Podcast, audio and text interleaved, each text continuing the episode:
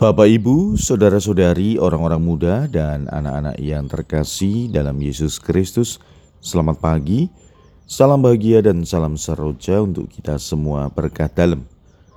Bersama dengan saya, Romo Antonius Garbito Pambuaji menyampaikan salam dan berkat Allah yang Maha Kuasa dalam nama Bapa dan Putra dan Roh Kudus. Amin. Hari ini Kamis 9 Februari dalam hari biasa pekan biasa kelima.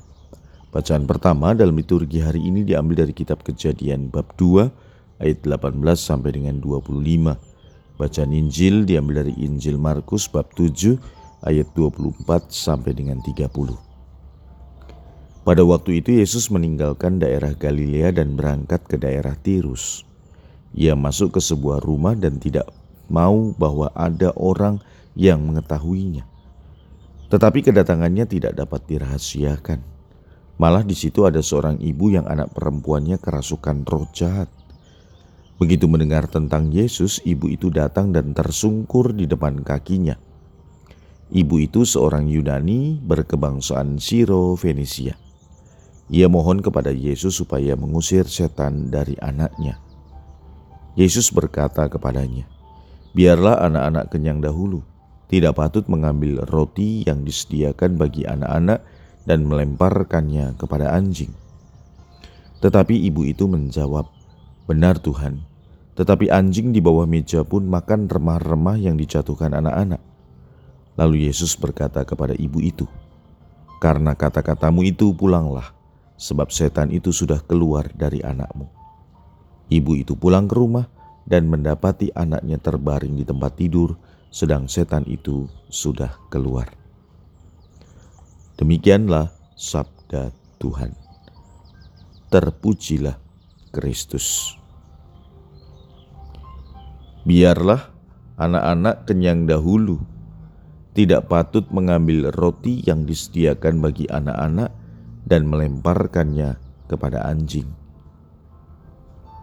Demikian tanggapan Yesus ketika ia mendapati seorang ibu berkebangsaan Siro Venesia datang kepadanya mohon untuk dapat mengusir setan dari anaknya.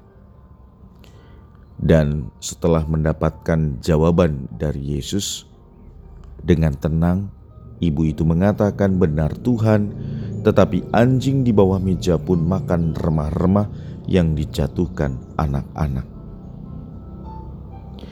Anak-anak yang dimaksud oleh Yesus adalah orang Israel. Sebab sabda Tuhan pertama-tama memang diwartakan kepada mereka, baru setelahnya kepada bangsa lain. Perempuan itu rupanya tahu apa yang dikatakan oleh Tuhan, maka ia tidak menjadi marah dengan tanggapan Tuhan Yesus. Dengan penuh keyakinan, ia memberikan jawaban. Inilah iman, kebijaksanaan, dan kerendahan hati yang dipandang benar oleh Tuhan Yesus. Saudara-saudari yang terkasih, kita memang bukan orang Yahudi, tetapi kita tetap dicintai oleh Tuhan, tetap mendapat hak untuk menerima berkat dari Tuhan.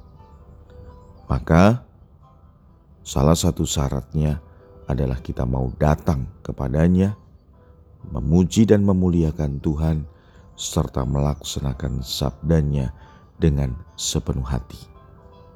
Ini akan menjadi berkat bagi kita, ini akan memudahkan kita untuk memperoleh apa yang menjadi kebutuhan kita. Marilah kita berdoa. Ya Tuhan, semoga kami semakin menyadari bahwa kami adalah orang-orang pilihanmu, maka semoga kami juga semakin mendekat kepadamu.